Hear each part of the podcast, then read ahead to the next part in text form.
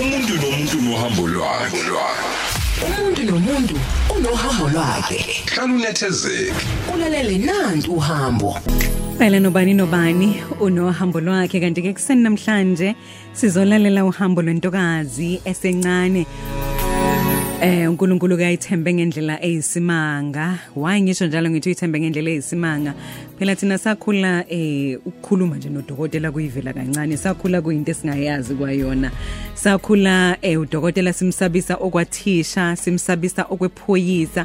Ngikubalela abantu ababalekile eh emhlabeni besazi ukuthi cha lo muntu lo ubalekile onesi besibasaba sigijime ngazo zombili ngoba besazi ukuthi unesi esikhwameni sakhe kukhona umjovo uthi noma ugange ekhaya thi wena ngunesi. Uyayibona leyo nto? So ke namhlanje sizokhuluma no Dr Zipho Zenkosi Mthembu Nzimande. Sizobheka uhambo lwakhe ekubeni unkosikazi. Phinde futhi azoba ngumama. Eh siyayisithi ke uma ngabe sesibheka imuva la esisuka khona sithi hayi inkosi ukuba ubungenathi ngaba ngabe siphelele endleleni? Ngaba sifika ngala sifike khona? Zipho asiphinde futhi sikwamukele kulomsakazo kulona uhlelo. Ingxenye yohambo? Eh ngiyakubingelela kakhulu sesithembeka. Eh ngiyabingelela bonke abalali basokhosini abalaleli njengamanje eh nabaxhumene esixhumene nabo ku social media as well. Eh ngajabula ukuba la. Kakhulu. Eh kade ngilindele lolu suku. Eh naleli thuba lokuzoyichaza izokuzo yabo nje ngiyichaze nge nge ngenabe ngindlale inhliziyo yami eh lento esizobe sikhuluma eh isenhlizweni yami kakhulu. So and ke angibona ukuthi kukhona umunye umuntu osingayixoxisana naye. I understand. Njengawe. So nje ngiyajabula kakhulu sisembeka ngiyabonga ne ne warm welcome. Thank you thank you. Um zipho ngi- ngi- ngi- ngizamile ukuthi ngikubekele ngimbekele umlaleli ukuthi ungibani uzipho zenkosi kodwa ke kuyayithiwe ke umuntu awukwazi ukuthi umchaze ngendlela yena angakwazi ukuthi ayichaze ngayo kulona lolu hlelo uhambo siyasikunike nje ithuba lokusitshela ukuthi wena usukaphi ubani wakabani uzalwe ubani ewafundaphi eh kanjalo futhi kuze kuzofika ke la usukhetha ke khona uhlobo lomsebenzi owenzayo Mm, okay.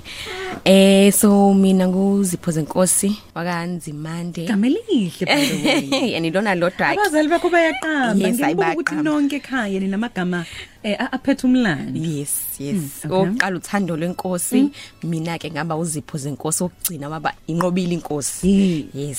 So ke igama yangisuka eHammersdale. Angazi noma uyakwazi Mhm. Khona la eHammersdale. enqolweni? Yes. Awu. Eh kahle Empumalanga. kahle. Empumalanga nje township eh e3 ye unit 3 eh ngakhulela lapho nabazali bami nosisi bami eh sakhulela ngingasho ukuthi enkonzweni.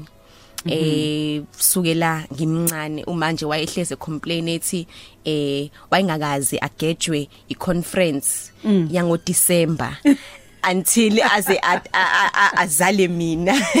Wayeqala. So eh nje ngikhulela enkonzweni ngikhulela ebandleni ngikhulela enkosini. Sakhula ke samove saya ema- eMaritzburg elana ke saqala khona eh u- u- isikole nos- nosisibami eh sifunda eMaritzburg safunda sadlula la e-high school ngenza into ezihlukahlukene and then kwasekufika ke ekutheni manje fanele ngikhethe umsebenzi engizobe ngikwenza ke base sekuphele umatric.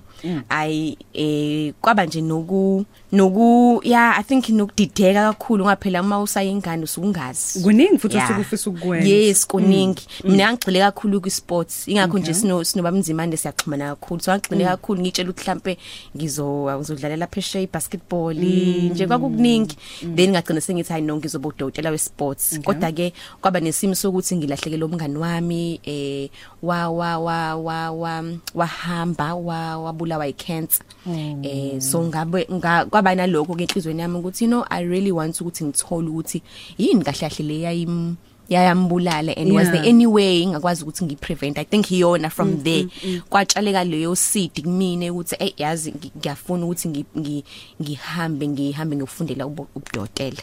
Eh kwaba ke as you know ke into mawusuyikhulumile ngomlomo njengomzalwane eh kuba nama challenges afikayo. Eh ngisase high school nje kwathiwa nje ngeke ngikwazi. Eh uthisha wami wathi "Hayi, wena ngeke ukwazi ngcono ukhetha umunye umkhakha. Eh ayiwa kwang kwang discourage kakhulu lokho.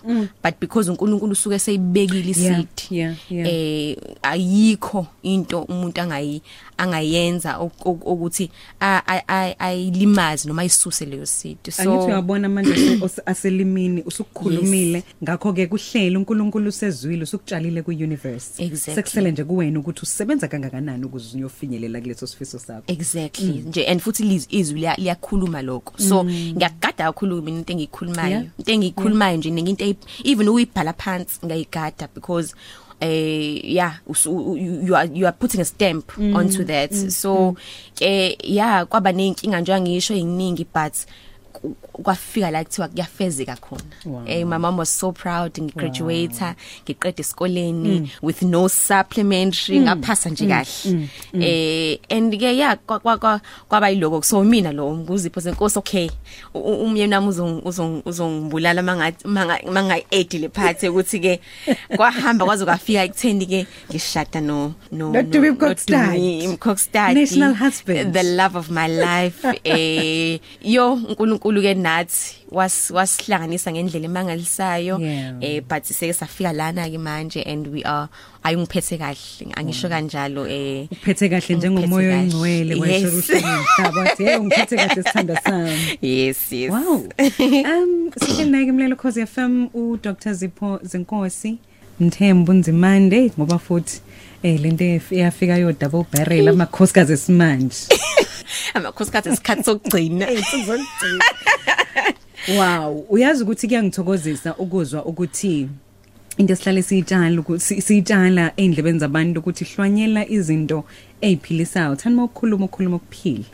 Phezu kwempilo yakho naphezu kwempilo yabantu abathandayo nabasondelene nawe. Now siyambona kuzipho ehamba. Thina nje sihlangane nawe eh sesikubona nilungiselela umshado em nomyeni wakho udumi. Eh samthanda lo muntu wesifazane sabona ukuthobeka kuyena eh sabona ubuhle sibabaza ubuhle ukuthi hey yazi inhlingani yomfazi. Em kwa- ku- kodwa ke kwahamba kwahamba ngoba phela uyazi inkundla zokuxhumana ziyayizenza engathi umuntu uyamazi yize ningazani. So sakubona umuntu esimaziyo nomuntu eh onambithekayo. Kodwa ngiyazi ukuthi ohambeni lwakho um building up to ukuyoba unkosikazi akwazi ukuthi konke kwaba kwaba kuhle nje eh kwahamba kahle. Sixoxele ngabe ikhona mhlawumbe ingqinamba eh uhlangabezane nazo endleleni. Kwesinye isikhathi futhi uyazi uyibuza ngenzani yini le ngenzani kuyakufika lo muzo njalo kakhulu kaningi futhi eh and leyo muzo ukuyibona ifikela kakhulu ebusuku usuwedwa. Eh usu usuhleli usulele kungasekho umuntu ungasekho social media. Uyayibo Usuhleli usuwedwa Mm. usuwedwa manje. Phone sisi akekho ayekho ukufonelayo Yeah. ayekho kusendela imessage Yeah, usuwedwa yeah. eh uf- uz- uzofile ngathi ingeke ngingedwa ngempela ke manje. Unga- futhi ukubone maw maw maw mawubhekane nezinkinga sometimes ukuze ukuze uf- ufile ngisengazi ukuthi ngisho noNkulunkulu kushila Yeah. akasekho akasekho nje manje usuwedwa ngempela. Kuphela amazwi omkhululeko. Kuphelwe nje amazwi. Yeah i think eh obviously ngikhule em emndenini wabantu besifazane kakhulu. So my mom waba nalokho ukuthi eh the end goal is not ukushada angisho kanjalo. The the goal is to be the best version of me. So i think eh obviously kuyaba nalokho ukuthi okay ngizoshada but i think that's just part of the journey yethu. Uma wasikhulisa nalokho ukuthi wanele uwedwa. Wanele. Uyayibona exactly. So lento ayifike as a cherry on top. Ayo the cherry on lethe top. ngaphezulu ekhekhe uyayibona lonto so wazi wasihleze esikhumbuza ngalelizwe lithi nena you are you have you have been made complete in Christ. So nje i, I think ngizothini? Kwaba phela kuyaba nalokho ukuthi abo uyacabanga ukuthi okay ngingaba ngizoshada noba. But kakhulukazi i think for me it was a matter of ukuthi hey ngiyalungisa ngizilungisa mina. Kwi journey yami as uzipho who am i? What am i going to bring? Ke mase ke ngi- kufika leso sikhathi sokuthi ngiyashada. Eh kuyaba khona ukuthi ke njengisho ukuthi you become lonely very lonely. But i think you remember amazwi omzali and amazwi asezwini as well ukuthi hey, you know at the end of the day ngempela kubalekile ukuthi uz in, invest in yourself. I always tell um ama students lawe ngiwa mentorisha ukuthi you know zi- zimbili izinto ezifanele ngempela empilweni as umuntu esifazane uzinake kakhulu. Izinto ebe- abantu abangeke bazintshontshe. It's your salvation and your education. So i think lezo zinto lezo as ngizothini as i was building up ke to ukushada but as myself those are the things enganginvesta kakhulu kakhulu kakhulu kuzona. Eh and then umshado wafika ngempela wangizuma. Ngisho Yeah. kanjalo. Wangizuma futhi at the right time because izinto ziphila zaNkulunkulu zenzeka at the right time. So yeah i think nje mhlawumbe ilokho ukuthi i was investing most kakhulu in in myself. Lelo Khosi FM si live enkundleni zokuxhumana ku Instagram at uh, @tembeka_zondo uh, c. Khona noziphu live at? Dr Zipho Nkosi the DR in the beginning. Sinani. Now Zipho into ngenze ukuthi ngifise kakhulu kakhulu ukuthi eh sizoba nale nalokuhlala mina nawe eh sixoxisane. Kakhulu kakhulu into engithintayo enhlizweni abantu besifazane out there ngizo ngizosingila bona out. Ngoba em uyabona lento le yokuthi ufike ugane eh, uhambe uye kamamonge mama basho kanjalo. Now i- i- ithemba lisuke lithi uyokwandisa umndeni uyokhulisa umndeni. But ufike lapha emzini kucaca ukuthi awukhuli lo mndeni. Ulokhu uhleli nje.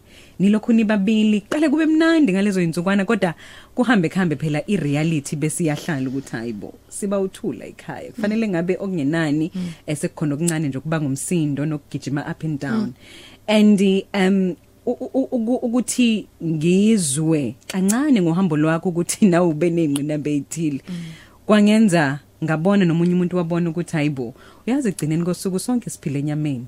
Eh ungaba udokotela ube incitha buchopho ube uprofessor ube ubani nobani. Kodwa egcineni kosuku umnini mandla onke uyedwa lo esiyayi sithi sonke uma sikhothama sikhothame kuyi sixoxele ngohambo lakho lokuba umama. Hey ngifuna uqanga ngisho ukuthi eh ngiyaqala ukukhuluma ngalolu hambo lwalo exclusive. Solo exclusive on ukhozi FM kuhlelo lendumiso. Amen. Eh ngiyaqala ukukhuluma and i think it is mainly because eh, yeah i sensitive le issue kakhulu. And eh ngoba eh, i think because wena usuku uthwala ingane so ngisho nom- ne society ni ni- yabo nje eh, ne ne- ne social media abantu umndeni basuke bebheke wena kahle kahle. Ka- kakhulu. So ngamanye amazwi kuba nencindezelo enkulu. Mm. Kakhulu. Ngingasho E- efika kanjalo. nxa zonke. Yes Yeah. yes. So i sensitive and i don't think ukuthi futhi leyo nto leyo iyaphela kahle mase usuyitholile ingane i think kuba nalokho yes uyaba nokubonga but kuba nalokho ukuthi ey em ngake ngashayike kanje. Iyayibona leyo nto kuba i- akupheli kupheli kahle. So i think nje ya ngisana lokho ukuthi hey, it's a very sensitive topic. Mangibuke emumva ngempela ngiyab- ngibuka u- u- u- ey ukubusiseka ngibuka eh ukuthi uNkulunkulu uhambe nami eh wa- kwaze kwaba yila eh ngibuka ubuhle kaNkuluNkulu empilweni zethu. Ngibuka uNkulunkulu ukuthi akamlahli kumuntu akamdeli ngempela umuntu. Em okay ngashada kwabamnandi kwabanjeyana eh Kwayi eh, honeymoon eh, phase. honeymoon phase. And it was so funny because it's not dumile like ayisihlela umndeni thina yabo sisafuna nje ukuhlala kancane. And then kwafika nje isikhathi sokuthi actually eh ay indaba yokuhlela umndeni let's asidedele uNkulunkulu asibusise ngengane ngesikhathi sakhe yabo. Hayi akwenzeki yabo. Hayi siyazama hayi akwenzeki. Hayibo akwenzeki. And as u- udokotela ke of course you know isikhathi. Uyayibona lonto usuke wazi yonke into. Yeah.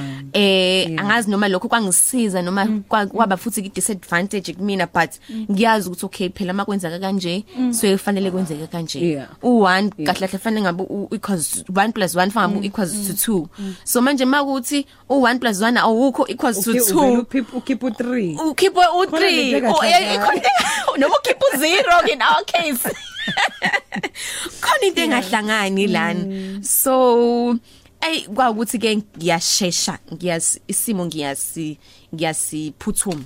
So eh nalokho ngifuna ukuthi futhi abantu mhlambe ngibagqugquzela ukuthi eh kuhle ukuthi usheshe into mhlawumbe uyi uyicheck. Uyisukumele, because esitheni sometimes uthola ukuthi even if ungenayo inkinga but Mm, mase usuhlela umndeni there's even something called pre-conceptual Yeah, planning yeah, yabo where yeah. you are now awakakhulelwa but usuyafuna. Uya- yes iphase naleyo uyazilungiselela. uyazilungiselela iphase naleyo eh eyokuthi manje uyazilungisela ulungiselela nomzimba wakho. Khona izinto ofanele uzenze khona izinto ofanele unge- ungazenzi khona amaphilisi mhlawumbe ofanele waphuze just ama vitamin uyayibona lonto to ukulungiselele ukuze u- ukwazi ukuthi ingane kwesinye ihlale isikhathi mhlawumbe kahle kube khona amaphilisi owadlayo amelana Uyayibona nokuthi lonto. nokwenza lento le wena ozimisele ngayo ngaleso yes sikhathi. wena Yeah. wazi as well ukuthi hey lento le kahle kahle kufanele ngiyiphuze ma ma ukuthi ngi- ngisa- ngiyaz- ngiyazilungiselela. So kubalekile ngempela ukuthi mhlawumbe mawusu sucabanga lo ususemshadweni eh kuhle ukuthi nje nihambe nobabili niyo check okay ke asikwenzanga ke thina lo ngoba sitshela ukuthi vele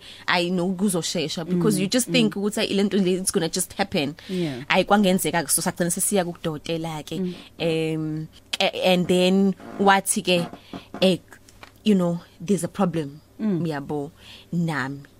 But before that you know sisithembeka eh ngaphatheka kabi kakhulu. Mawukuthi mhlambe siyahamba phambili sokukhulekela kufocuswe kakhulu kumuntu kumina. Yeah. Hayi Yeah. leyo nto le yayingiphatha kambi because at that point sasingazi phela ukuthi unkinga imina Ikubani? noma abo bamzimandi because ikhona lento ethiwa secondary infertility whereby usuke waba nengane before. Yeah, whether umuntu wesifazana nomuntu wesilisa usuke waba nengane before but manje usakwazi ukuba Oh, nengane yeah. balekile ke leyo nto ngoba uthola ukuthi umuntu usu- u- u- u- uzothi hayi mina nginayo ingane Ngane, kushuthi inkinga inkinga kuwena. wena, kanti kanti cha. uzothola ukuthi nawe kwase kuyiqanda lokugcina. Uyayibona uyayi-understand leyo nto. So leyo nto leyo ke i think even in society ku- usuke sekubhekwe wena nawe nawe usuke ube nalama thoughts ukuthi ey bayazi vele ukuthi yabo unayo ingane mina sekubhekwe mina ke manje uyibuze ebusuku ukuthi hey kushuthi ngempela impela imina yabo but sokubalekile ukuthi uhambe uyochecka ngempela sihambe sochecka ke eh kwaqala kwathi uyena hayi kwagcina sekuthiwa ngempela ke mina eh ey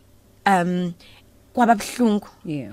Um but i think because i had made also a decision yokushintsha udokotela um wami uNkulunkulu nje wakhuluma nami about that wathi no you know change udokotela. Eh mhlawumbe ngengigxile kakhulu ngoba kuloko sometimes ne ne second opinion iyasiza. Iyasiza. And uyazi zipho ezingikhuluma nawe ngiyabuka ukuthi ngikhuluma nodokotela la engazi ukuthi mina wazi konke but nawe uba neyinkinga lezi umuntu oordinary abanazo yes exactly. And ukubona uma sekuthiwa ke inyanga yize lapha ngempela ke futhi. I had to seek counsel from omunye udokotela as well. And i think uh, my husband also had to angitshela ukuthi kahle hle nawo umuntu. You cannot i- the, when somebody delivers neyimpendulo zonke. zonke. And also when somebody delivers bad news to you now you need to be counseled as well. Yeah. uyayibona lonto eh i cannot counsel myself. Yes i can see ku ultrasound ukuthi kwenzakalani but nami ngiyamdinga umuntu ozofika ngicounsel athi okay no these are the steps. You are going to be okay. Yabo just that counseling nje esiyenzayo to ama patient so ke nami ke i did wangenzisa leyo counseling esengitshela ukuthi hey kunesimo esithize ipercent elite lithi uyayibona lonto eh and mina ke kwakwa uma fibroids ke ngikubeke nje so- sobala kwakwa ama fibroids bachaza bathi eh akushuthi mhlawumbe ke a block ama tubes akho ay and o- o- okubuhlungu ngama fibroids i mean anginalo ulwazi olukhulu lwe- lwe- lwe- lwe- lwe- lwezempilo nani nani kodwa ngi- ngolwazana oluncane enginalo ngiyeza ukuthi a- afika zenze sabantwana Yes. as eh, akunikeze ithembe engathi ukhulele ube nayo yonke into ube nawo wonke ama signs o nausea ubona isisu sikhula njalo njalo uthi uyafika kuthiwe Kanti cha ama cha, fibroids my fibroids iyenzeka ke naleyo nto ke kuyenzeka ukuthi kwenzeke. Wow. so hey mina ke it was ayisamancane ke vele ke but ke kushuthi babe babeyitshela ukuthi ke ablockekile ke ablock ama tubes ami ke so ngihambe ke ngempela ngi- ngiyohlinzwa eh udokotela kodwa ke asegcine sithi ke futhi ay yazi abe ngamakhulu kangako eh abe abe ngamakhulu kangako uzaza block ima tubes so kwaba naloko futhi ukuthi okay kwaba saba confused ukuthi hayi kanti what is the situation Kwenzakalani? kanti eh ay kwangenelela uNkulunkulu ke at that point. Where eh uNkulunkulu ke wakhuluma nami wathi nje manje sekuyisikhathi sokubonga sokubonga lengane le. Wow. eh khona i- i- izwi actually ethi engithi ebengithi ngilifuna ukul- ukulifunda engalisendela umyeni wami. Se- sengenze ama surgeries Mana-ke uy- ubonga lo mntwana usekhona usukhulelwe yini? angakakhulelwa. So ubonga ongenakhe ngibonga sekukhona. ngibonga nje umuntu ongekho. Ngibonga ngibonga umuntu ongekho eh uNkulunkulu wakhuluma nami. Wathi eh kade nanicela se se se se se senginiphendulile. Washo kanjena nje senginiphendulile manje ngicela ukuthi manje ni- nibonge so sa plan sinomyeni wami sathi ke manje sesizokwenza iThanksgiving. We plan to do iThanksgiving for something engekho. Eh for into umntana sasingenaye. Sas- i was i think 2 weeks for my surgery. Eh i- ngiso definitely wayengekho umntwana. Yeah. But nga sayenza leso so- so- sinqumo sokuthi siyambonga manje lo mntwana. Into yokuqala enga- esayenza sahamba eh okay into yokuqala sayenza safike sahamba salungisa i inesari yasesontweni kuze ayingakabi khona. Sayilungisa nje thina sayilungisa sathi hayi umntwana wethu uzobe sedla nezinye inganeke but owethu ke umntwana mase sesifike esontweni sizo sobe sihlala la. That was the first thing we did. Second thing we did sahamba saya ku ku ku- kumfundisi omunye nje wethu who is my dad's counselor as well eh sayakuyena sayokwenza nje inkonzo yokubonga. I think akuphelanga 3 4 weeks mm. uh, then i conceived yeah i didn't know at that time. My mom was in ICU mm. fighting covid. It was such a bad time. Ngathola ngaleso sikhathi ukuthi hayibuka kanti uNkulunkulu sesibulisisile i just want to read lelizwi leli engamsendela engasendela umyeni wami which i think was really a turning point for us because really you have to believe. Yeah. you have to believe and have faith ukuthi lento nami it's going to happen to me. Lithi lelizwi children are a god's loved gift. They are heaven's generous reward. Children born to a young couple will one day rise to protect and provide for their parents. Happy will be the couple who has many of them.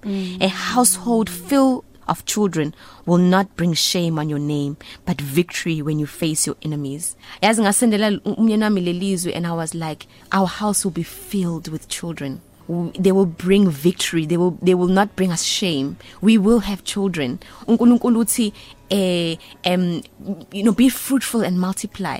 That is my portion as well. That was going to be our portion. I said that ngingenamntwana eh ngingakezwa lutho but i believed that and uNkulunkulu wakusenzela kahle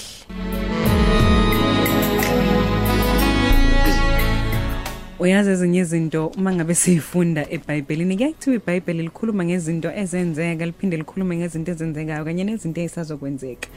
Siyambona uHana ehamba entabeni ayobonga kanye noPhenini. Bonga into anganayo. Akanamntwana uPhenini udonsa ingane zakhe.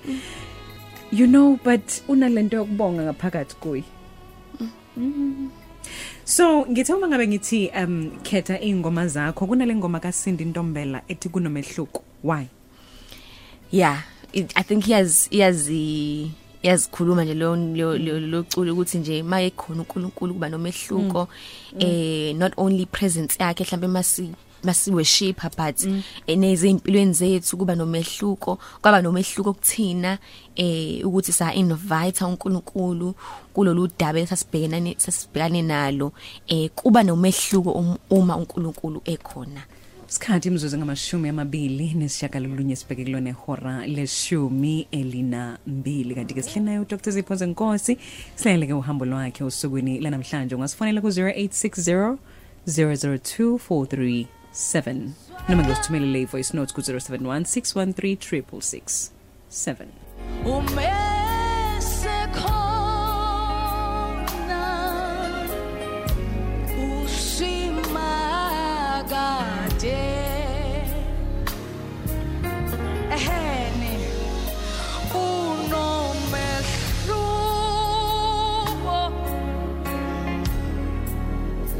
kunomehluko mangabe ke sekufike uJehova akufani neze nangalesikhathi ubusahlela wedwa akufani neze nangalesikhathi ubusabuza kubantu ukuthi konje ngizophuma la ngishonephi ngoba vele ukhona lona impendulo kuphela nje ulinde thina ukuthi asondele kuye sibe i- i- ilabo bantu labo akwathi uma ngabe ke esiyala seyamahlule iswini zomame. Wathi ke wena uzokhula ke ube ngumbuso wenze okwahlukile ezweni. Ngakho ke nawe iba kanjalo phela. Iba imbewu ufana nembewu etshala umhlabathini ovundile.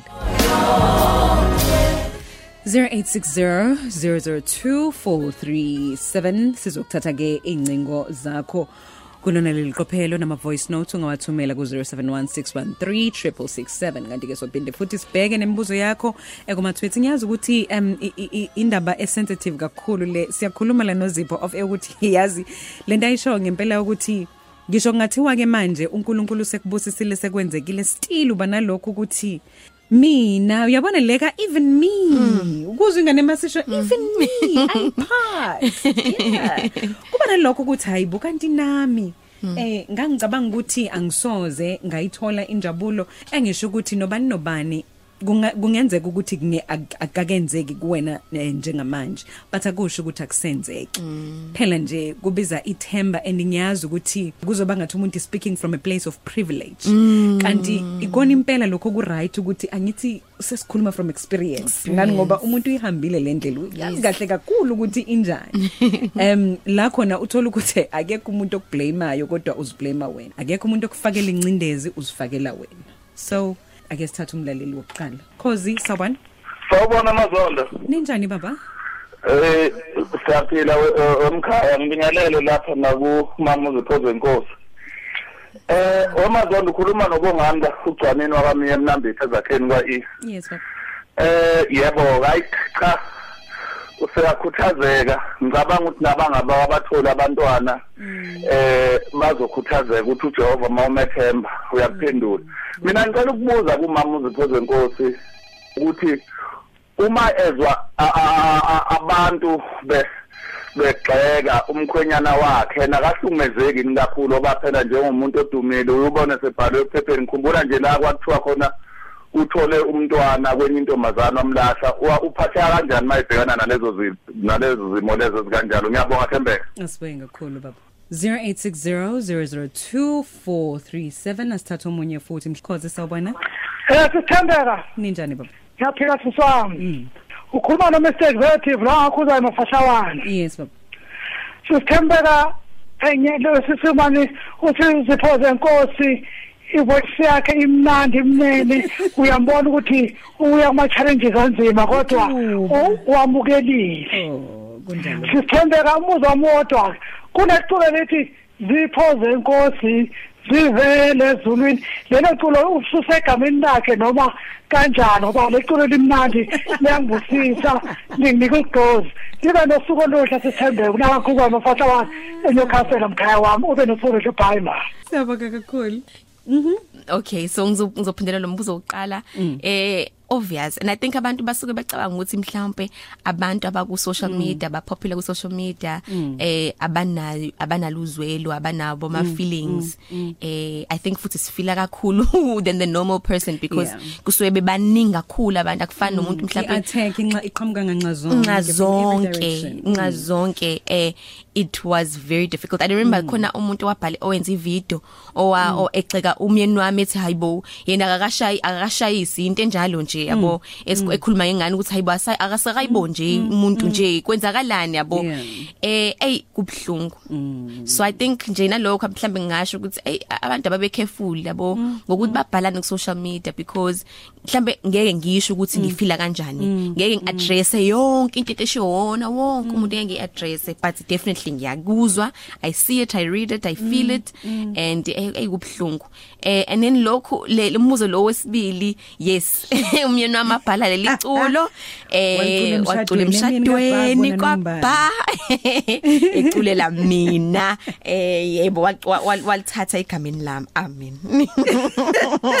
Siyakubongela wena waqedela iculo Um uphilile mhlongo uthi ke uyazi kunjala akekho umuntu ongenalo uhambo lwakhe oluhle noma ke eh lulumbi. Kodwa ke esimeni ke asuke ke ebhekene naso umuntu akalihambi yedwa usuke ke elihamba noJehova. Nangu futhi omunye uzamafuze uthi ke na angibingelele mamcele nakumama unzimande.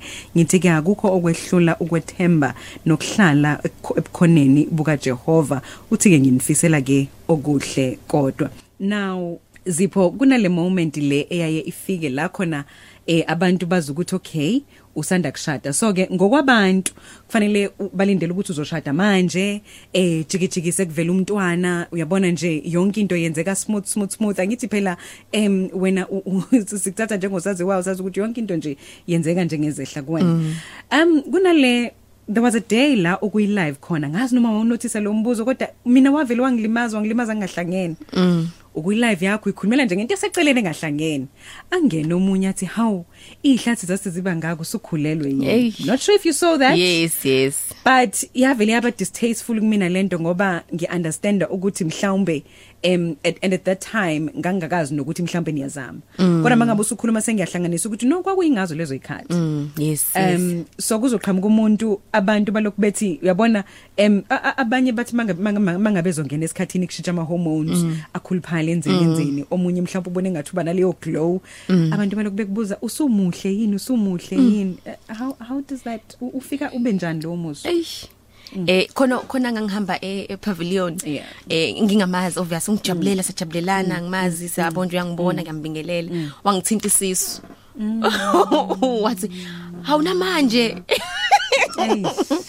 eh kuba bhlungu angifuni nje uqamba manga kuba bhlungu but ke i think um kwabanye abantu maybe kusuke kungeyona inhloso yabo ukuthi a- alimaze. bubuhlungu, iyayibona yeah, lonto usuke yeah. ngempela econsent but i think mhlawumbe indlela abuza ngayo neng- nangendlela eh, yabo nje a- yeah. So i think nje kwa- kwa- ngiyakhumbula nje ngalelo langa actually kwa- kwa- kwaphendula abanye bathi hayibo umuntu wesifazana akabuzwa leyo nto. Uyayibona leyo nto. nanokuthi futhi ke phela ngeke wazi mhlawumbe ngempela abawufuni um- um- ingane ngaleso sikhathi bayahlela. Ngeke wazi indaba zabantu bas- abawuthu. So ngempela it's i don't think so lo mbuzo wokuhambe nibuza abantu ukuthi bamthola ngomntwana hlukanani No, uyekeni hlukanani. awumnandi awumuhle.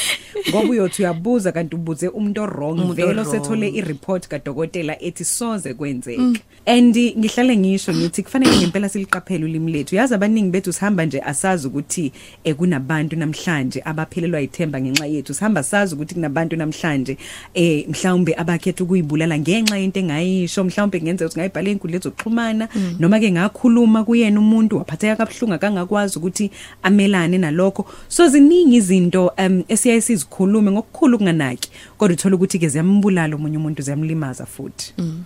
Now zipho ngifuna ke ukufika kule moment la sekuthiwa khona ke nakho sekwenzekile um isiphuma ipregnancy test ithi positive ubuwenze njani? Building up ubuwathenga ama pregnancy test ubuye uke check ukuthi ngabe sekwenzekile yini? Ngoba phela uyazama yes ngizawuhleli yes angihleli.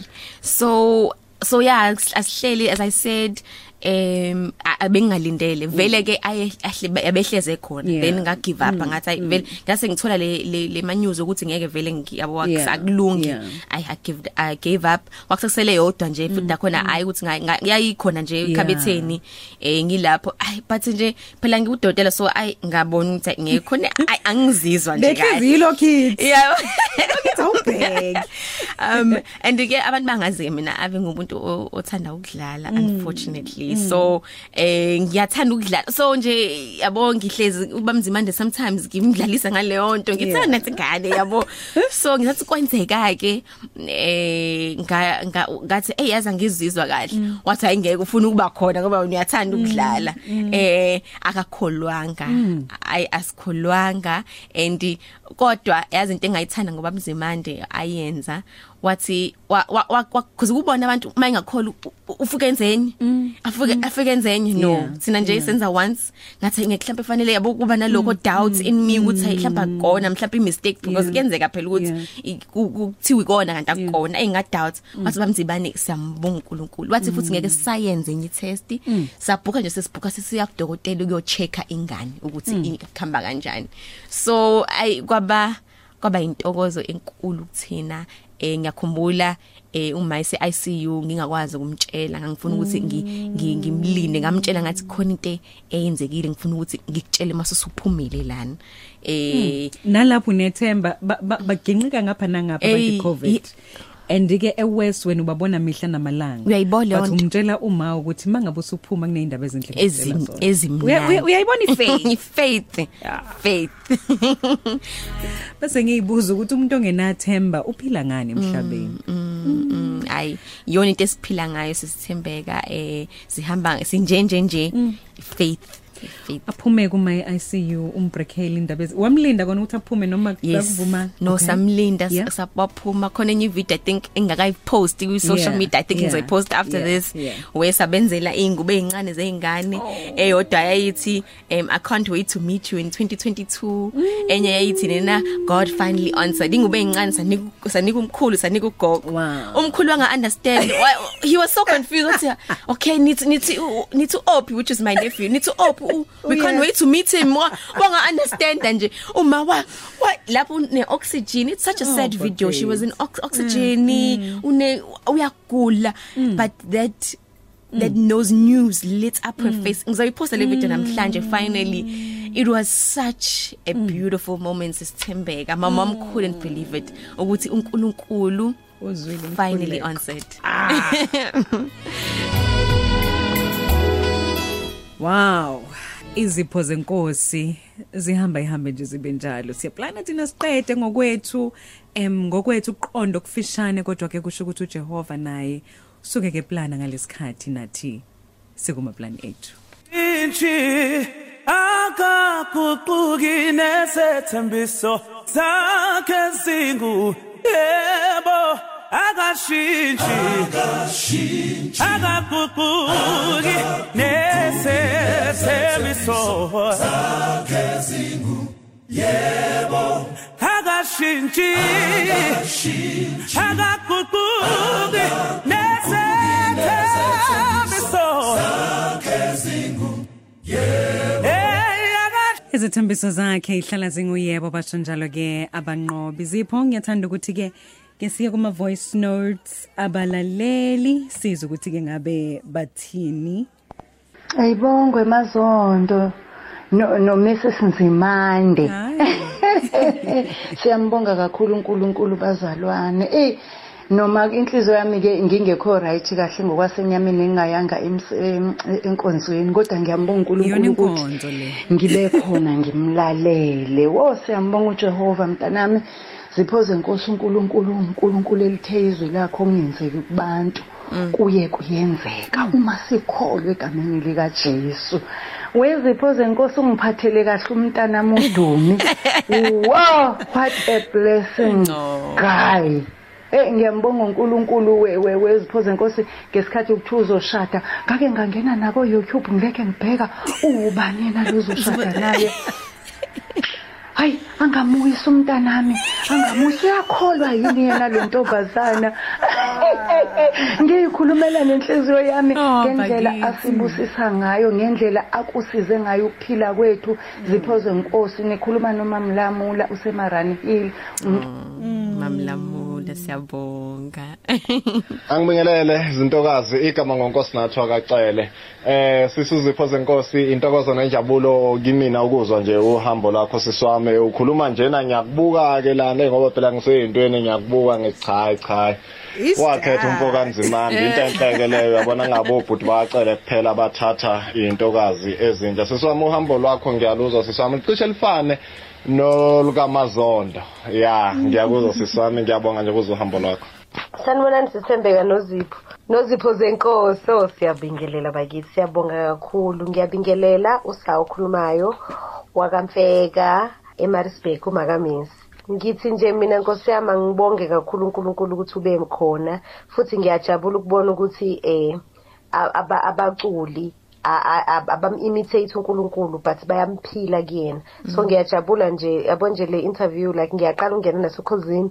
Le interview ingikhombisa okukhulu ukuthi eh abantu aba- abantu mebegxeka ngoba ukhuluma nje ngama- nga- ngokuthi ama-social media abantu bayagxeka. But asiphinde sikhulume sikho- sikho- sikhumbule ukuthi nani niyakholwa futhi niyamkholwa unkulunkulu ngiyakubonga kakhulu lokho. Sengibone kaningi abantu abathi bayacula but bangayenzi lento abayishoyo. Yeah. so ngiyambonga mina unkulunkulu ukuthi uzivezile kunina futhi nokuthi nikwazile ukufakaza ukuthi eh unkulunkulu wenzeni empilweni yenu. Ngiyabonga kakhulu. Engi- engikucelayo la sithembe ngisacela ungicelela usizipho ukuthi eh ang- a- aphinde asiphindele izwi ukuthi litholakala phela kade lisho kade lifunda eh ngihlulekile ukulalela lapho ngiyabonga kakhulu mina usuku oluhle litholakala kubani izwi so amahubo 127 verse 3 to 6 Okay. All right. Now ngalemzuzwana esinayo esele igama lomntwana wenu enibusiswe ngaye lenani izulu Yes. ngisho kahle. Lenani izulu lenani izulu sichazele ngaleli gama. So basically lichaza ukuthi okay like ngathi mawuthi lenamili izulu lenani izulu eh khona icule lithi lenani izulu Yes, yes, ngeculo yes, lami. yes, yes so yes. salithathela kulelo culo. Eh sabuka ukuthi hayi ngempela lenani lenana ngempela izulu. Efika umntwana wethu uNkulunkulu esibusisa ngalo eningakhumbula lelo langa.